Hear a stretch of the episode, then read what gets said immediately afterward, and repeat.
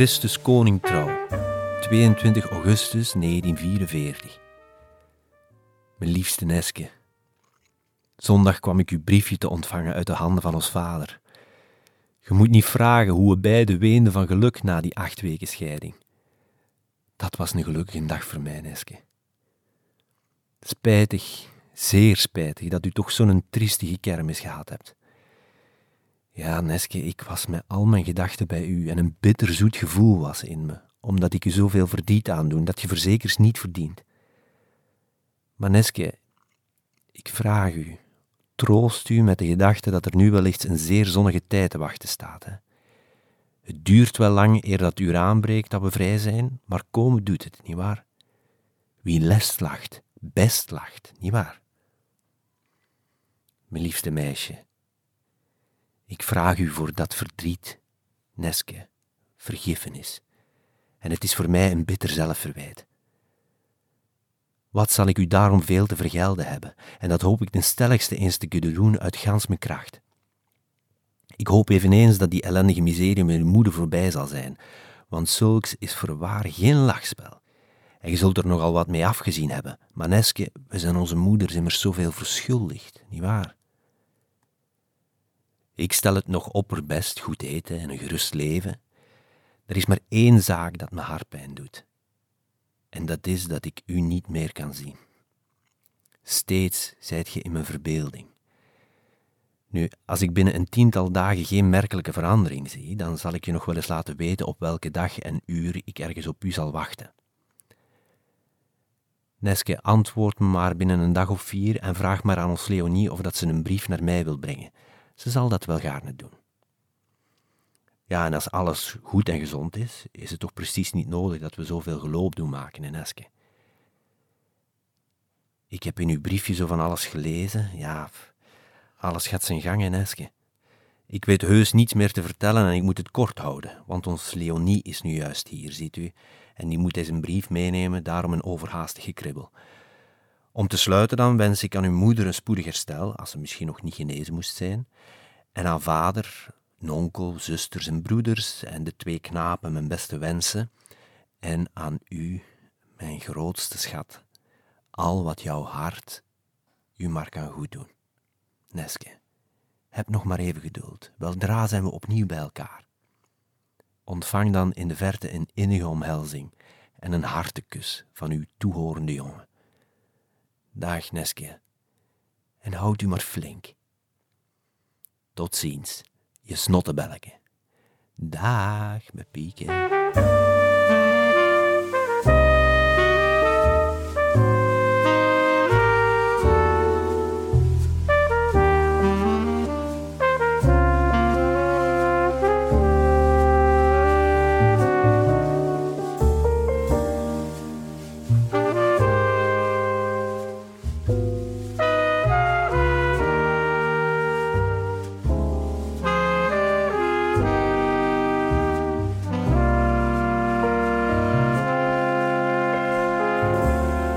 Mijn vaken zit ondertussen al minstens twee maanden weggestoken. In de brief daarnet hoorde je dat hij het steeds moeilijker en moeilijker krijgt. Hij begint het thuisfront te missen en de dagen beginnen steeds meer en meer te wegen. De Gestapo zit nog altijd achter hem aan en ze willen hem kost wat kost in handen krijgen. De specifieke reden waarom is mij nog altijd niet duidelijk. In aflevering 5 ontmoet ik iemand die dat raadsel, mijn vaken zijn grote geheime verzetsmissie, eindelijk zal verduidelijken. Maar eerst ga ik op zoek naar zijn schuiladres. Joost en ik staan voor de deur van de gezusters Willems en in volle spanning wachten we op wie daar zal openmaken.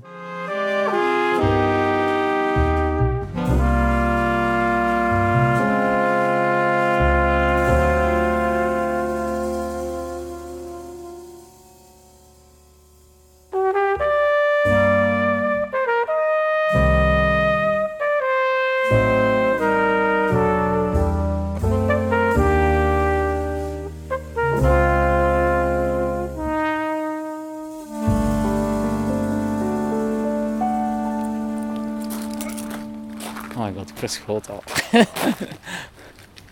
Niks aan de bel. Gaat je een keer aanbellen? Maar ik? Ja, doe maar. Ja. Ja. zal ik. Super spannend.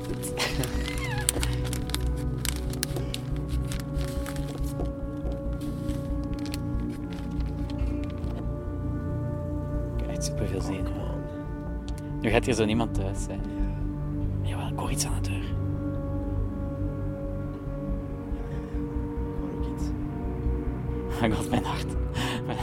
mega hard. Moeten wij nog eens bellen? Misschien zijn die mensen een middagdutje aan het doen. Ah ja, shit. Ik heb nu wel een bel gehoord. Joehoe! Oké, nee.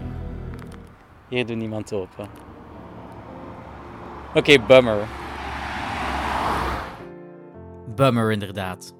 De gezusters Willems, want ja, ik blijf naïef geloven dat die zussen daar nog wonen, willen niet open doen.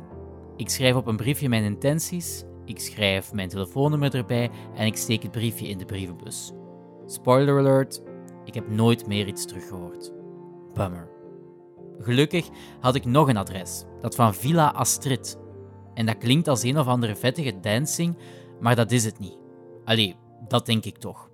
De villa ligt op twee minuten rijden van de zussen en wanneer Joost en ik daar aankomen zien we eigenlijk maar één ding. Een grote grijze poort die het huis met de straat afsluit en op een zeer dramatische manier opengaat. Oh my god, yes. Wat? Oh my god. Oeh, dat is eng. Ja, zoiets komen er twee loslopende honden Ja. op ons af. Ja, ja, ik ben een kleine schrikscheiter. Maar helaas ook hier... Nee, geen idee. Ik woon niet 20 jaar, maar voor de rest. Voor de rest niet. Oké. Geen probleem. Geen probleem. Ik had dat misschien eens vragen eten. Twee, twee voet, hier Ja. niet, maar dan daar. Je Ja. woont hier al heel lang. Hallo, goeiedag. Hallo, goeiedag. Sorry dat, ik, dat wij storen. Hallo? En weet jij iets van wat dat daar, daar in de oorlog... eh, Weet u dat je? Ja, dan ga ik alweer met een deur Moet je maar de post stikt daar ook nog in de, in de brievenbus. Dus de kans dat die mensen niet thuis zijn is best reëel, denk ik. Zeg dat je van iedereen beroemd bent. Ja, zo. Hallo, ik ben Martijn Heijlen. Oh, je ziet er jonger uit dan echt. Dat op tv. Ik ben de zoon van Martijn Heijlen. En ik doe het meesterwerk van mijn vader weer opnieuw.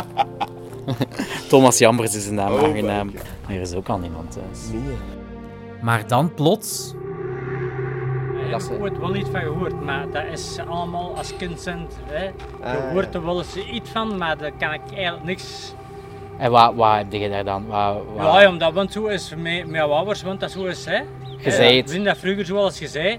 En dat, als kind versta ik dat toch niet als, als kleine snotneus eigenlijk. Hè. Tuurlijk. En dan is dat een grote snot. Ja. en uw ouders, die leven die nog of nee? Die leven niet meer.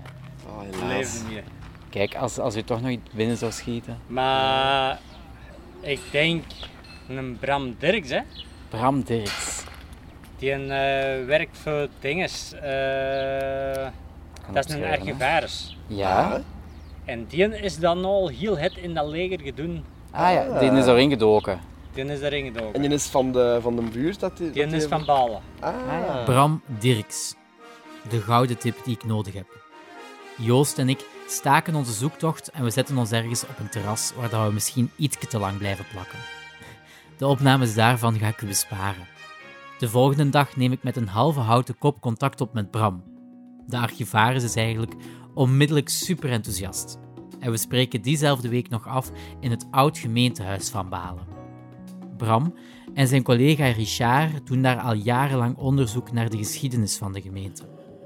We zetten ons in een lokaal dat ook dienst doet als een klein museumpje. Ik zit daar tussen de oude lepels en de oude helmen. En al snel blijkt dat de mannen hun research goed gedaan hebben.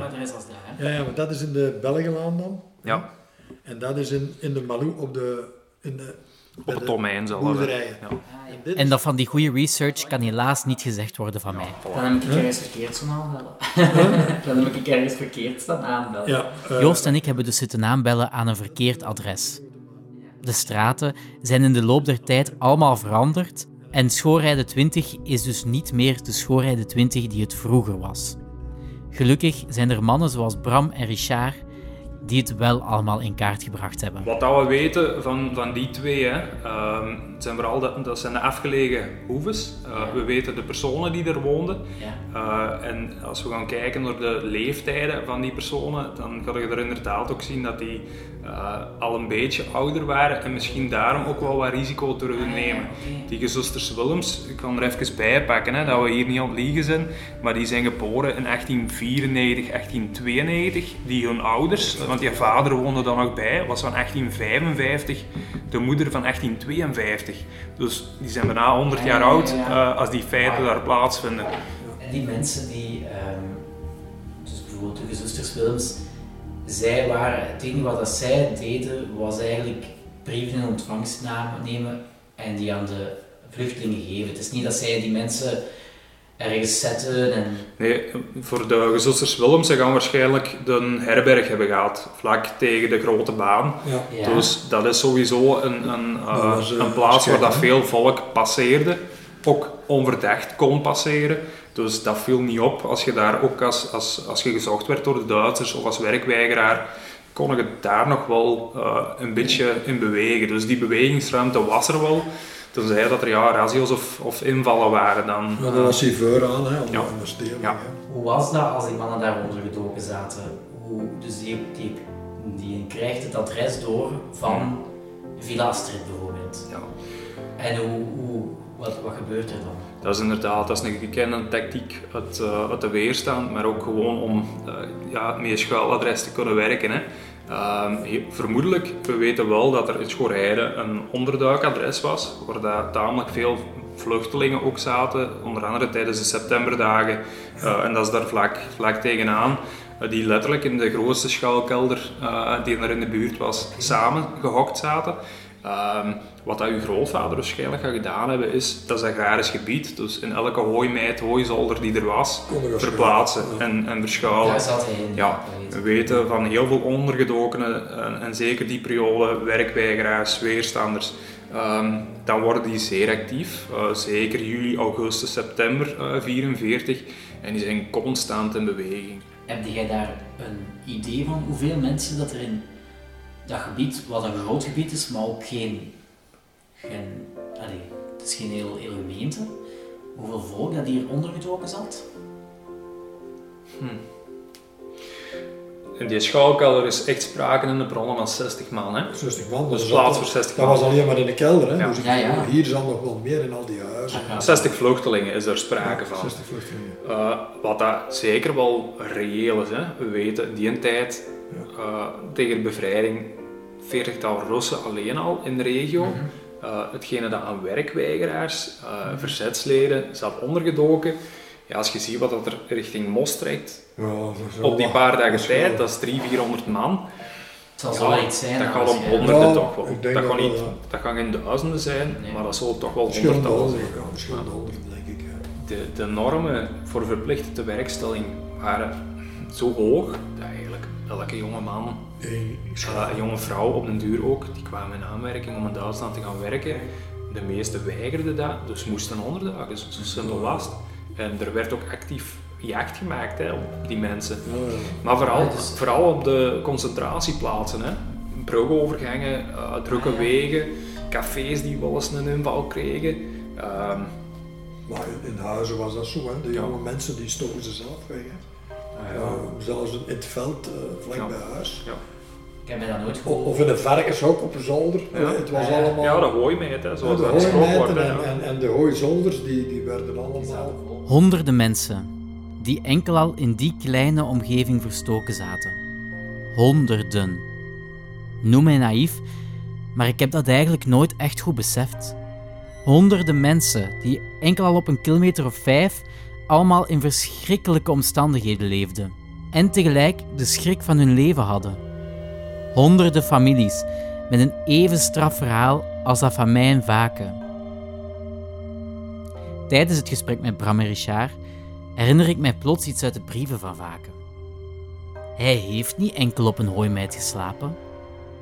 Want in de brieven staat dit. Nee, ik denk dat er ergens iets gesproken wordt van eh, kinderen. Dat er zijn twee kindjes en eh, die kinderen die, die willen een foto pakken van, van mij of zoiets. Ja.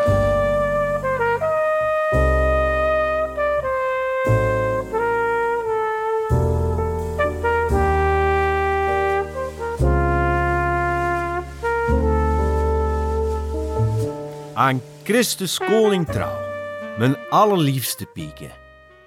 Zo pas kwam ik jou schrijven te ontvangen en met het grootste genoegen las ik dat gij het allemaal nog opperbest stelde. Met mij gaat het minder goed. Ik begin met de kleine te gaan verbreden, ziet u. Ja, zeg, wat zal dat gaan worden nu de klederen zo kolossaal duur zijn? Nu zal ik maar uitscheiden met de klucht, nietwaar? Ja, nieuws kan ik precies niet schrijven. Alles is wel aan boord en alle dagen een dag ouder. Zo dus 24 jaar, plus een dag, plus een dag, plus een dag. Ik schrijf nu maar uit tijdverdrijf en enfin, dan kun je toch wel al eens een minuutje lezen. En de hoofdzaak, dan hebben ze bij de post zo wat iets te verrichten. Nu over toekomende zondag. Eerst en vooral gaan we moeten zorgen voor een goed zomerweertje, met veel regen en wind. Dat is immers plezant om te rijden. Ten tweede, goed verstaan, allebei gezond zijn. Ik zal misschien te bed liggen, leidend aan zwaarlijvigheid. Ten derde, moest de oorlog intussen eindigen, dan wordt alles geschort. En ten slot van rekening hoop ik dat uw woord houdt en om 3,5 à 4 zal er iemand zijn die u bij mij zal brengen. Ofwel, het moest echt hondenweer zijn, dan apropos uitgesteld op maandag, hè, Pirke. Maar allee, onze lieve Heer zal ons wel begunstigen, hoop ik. Ja, Neske, ik moet, of liever, ik ga eindigen. Maar nog één vraag. Breng de cognac, uh, pardon, de, de Kodak, breng die eens mee met twee filmen, want die kinderen van bij die mensen zouden toch eens zo doodgraag met wannes getrokken worden. Ik word door die mensen aanzien als kind des huizes, net als bij u thuis. En daarom zal niets me te zwaar zijn om hun genoegen te verschaffen. En het zijn zulke lieve kleintjes. Twee meisjes van tien en zes jaar, een makkertje van Louieke Wilms, maar ook een misdienaartje. Het is plezant hoor, Neske. Om te eindigen, liefste meisje, wens ik aan uw moe en vader en onkel Louis en Fons met de ganse familie het overgelukkigste. En aan mijn Neske zend ik in de verte een innige troostkus en een zoete omhelzing in gedachten. Uw toehorende snottebelleke. Dag moe, vader, Louis, Fons en Pieke. Dag.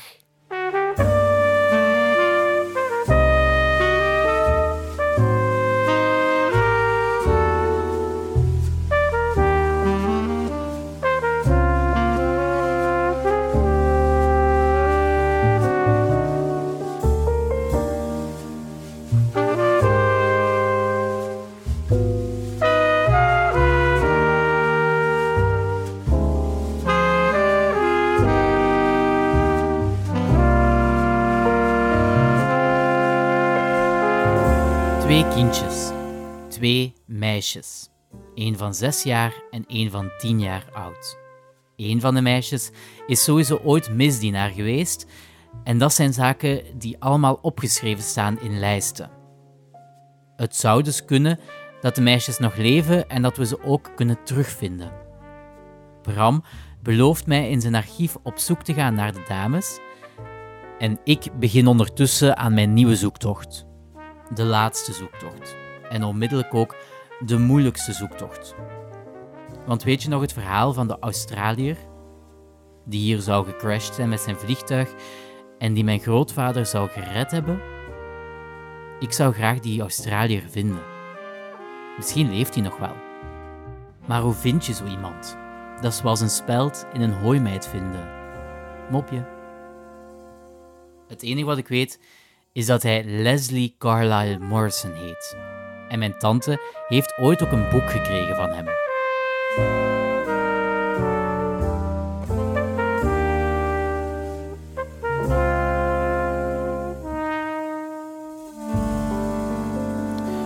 Goed, ik heb het boek hier.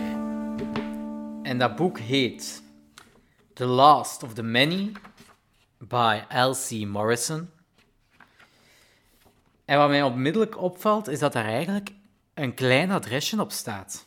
Dus ik zou er misschien wel een keer sneller kunnen geraken dan ik dacht.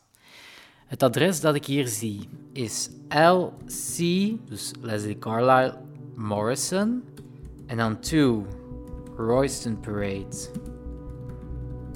Asquith, Sydney. Dat huis staat te koop. Oké, daar zijn we dus niets mee.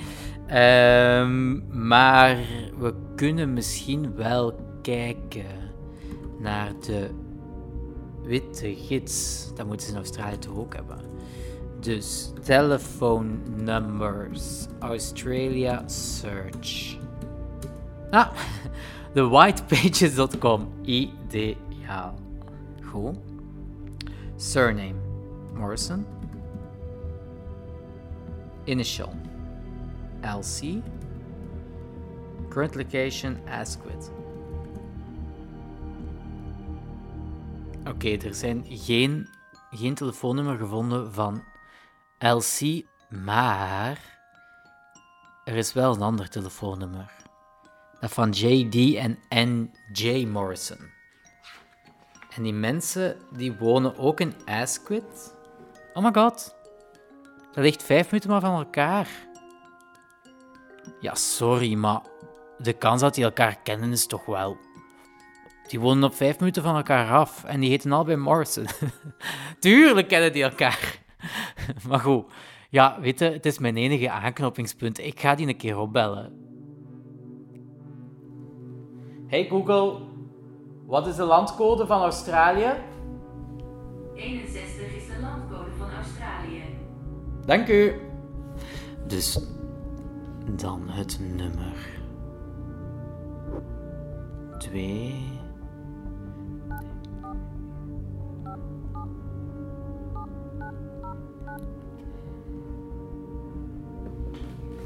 Oh god, ik ben zenuwachtig, ik durf niet.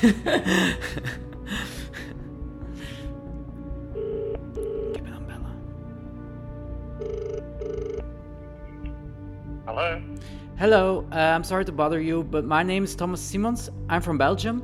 I have a really weird question, question for you. Um, I'm looking for family of Leslie Carlisle Morrison who lived in Asquith. Do you uh, know him?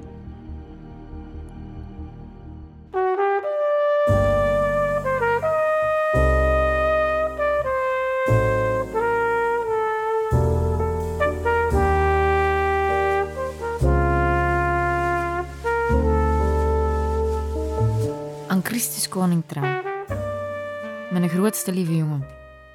Dinsdag heb ik uw briefje ontvangen. Ja, het wilde juist lukken dat ik bij u Leonie aankwam. Als zij een paar uur tevoren mijn briefje voor mij was thuisgekomen. Je zult u misschien afvragen wat ik daar ging uitrichten. Wel nu, we hadden een brief gehad uit Sint-Truiden om fruit te halen. En daar wij hier in Ulst geen tandem konden krijgen, ging ik eens naar uw Leonie zien voor de nieuwe, maar ja, die was nu ook weer weg, hè. En vandaar dat ik zo gauw in bezit van uw brief was. Ik was niet een beetje content, dat kun je denken. Maar als ik hem gelezen had, niet meer, hè. Wat wilt je daar allemaal met dat zelfverwijt en die vergelding? Wilt je daar eens voor goed van zwijgen? Je hebt jezelf helemaal niks te verwijten. En wat geef ik nu toch om die kermis? Immers als een oorlog gedaan is, zal het hier altijd kermis zijn. En ik denk dat we niet zo ver meer van het einde zijn, want nu begint het gaan te korten, hè. Het is waar. Spijtig dat ik niet over kan komen, want ik durfde het niet meer te riskeren. Niet voor mij hoor, maar het wordt voor jou te gevaarlijk. Ja, jongen, en als ik iets mag vragen, houd u dan schuil, zo goed als het enigszins mogelijk is, en wacht u niet buiten. Voor niks of niemand, voor zolang het nu nog kan duren, en mocht het nog langer zijn dan een paar weken, en we zien dat het kalmer is dan nu, dan kunnen we nog eens afspreken. Maar voor de moment kan daar geen sprake van zijn, hoe vurig ik ook naar een weerzien verlang, want het schijnt me reeds een eeuwigheid dat ik u nog gezien heb. En het is maar goed dat het uur der bevrijding met grote schreden nadert. En God geven dat we die moeilijkheden die we misschien nog te doorworstelen hebben, met zulke koelbloedigheid zullen doorstaan. Maar we zullen maar bidden en op het beste hopen, nietwaar? Nu wat anders. U zult wel benieuwd zijn naar hoe dat ik de kermis heb doorgemaakt. Ah wel, zondags ben ik met de mesjes van Saskia en die van de Koster geweest wandelen. En maandags ben ik met de hele klik naar Jeff van Riekes geweest, van half acht tot negen uur. Er was niet veel volk en weinig plezier. Ik heb mij er ook geweldig verveeld. En had ik het niet gedaan voor de anderen, dan was ik wel direct naar huis gegaan. Maar onze fonds had nogal goed de kermis gevierd. En die is twee dagen ferm aangeschoten geweest. Er liepen vele dronken jongens. Maar de meeste drinken hij wel het miseren, nietwaar? Morgen is nog eens kermis. Maar dan zal ik me niet meer moeten vervelen. Want Leonie heeft me beloofd van te komen met Juliakke. En dan zal ik me wel amuseren. Ik ben heel goed bevriend met die kleinze, maar de eerste keer was ze wel wat bang van mij, maar nu niet meer. Ik mocht dinsdag wel van haar pap drinken. Dat is toch zo'n lief mesje, hè? Nu, mijn jongen, veel nieuws is hier ook niet. En ik hoop dat mijn briefje u geen verdriet zal doen. We hebben nu toch goede vooruitzichten? En dat die uw troost zorgen in uw eenzame uren. Want ik denk dat die een tijd daar toch lang zal vallen. En met die hitte, dat moet daar toch ook erg zijn. Het is toch wel een groot offer dat u moet brengen. Ik weet niet hoe dat je het nog blijft volhouden, maar het is toch voor je goed, hè. En onze lieve Heer zal u er later dubbel voor zegenen. En nu zal ik maar eindigen, want ik denk dat je wel zal beginnen vervelen met onze gezever. En ontvang nog vele groeten van gans de familie en vanuit mijn hart stuur ik je meteen al wat jou maar welkom is. Vooral een innige omhelzing en een hartekus van ver en troost je maar, hè. En hou goede moed en tot weldra. En nu weg met zelfverwijten en vergiffenis vragen, oké? Daar kan ik niet tegen, hoor, liefste. En nog veel troost van je trouwblijvende pieken. Trouwens, vergeeft mij mijn onbeholpenheid, maar het wordt al laat en mijn ogen vallen toe. Dag, mijn grootste hartendief. Dag. En wens je meteen een goede nacht.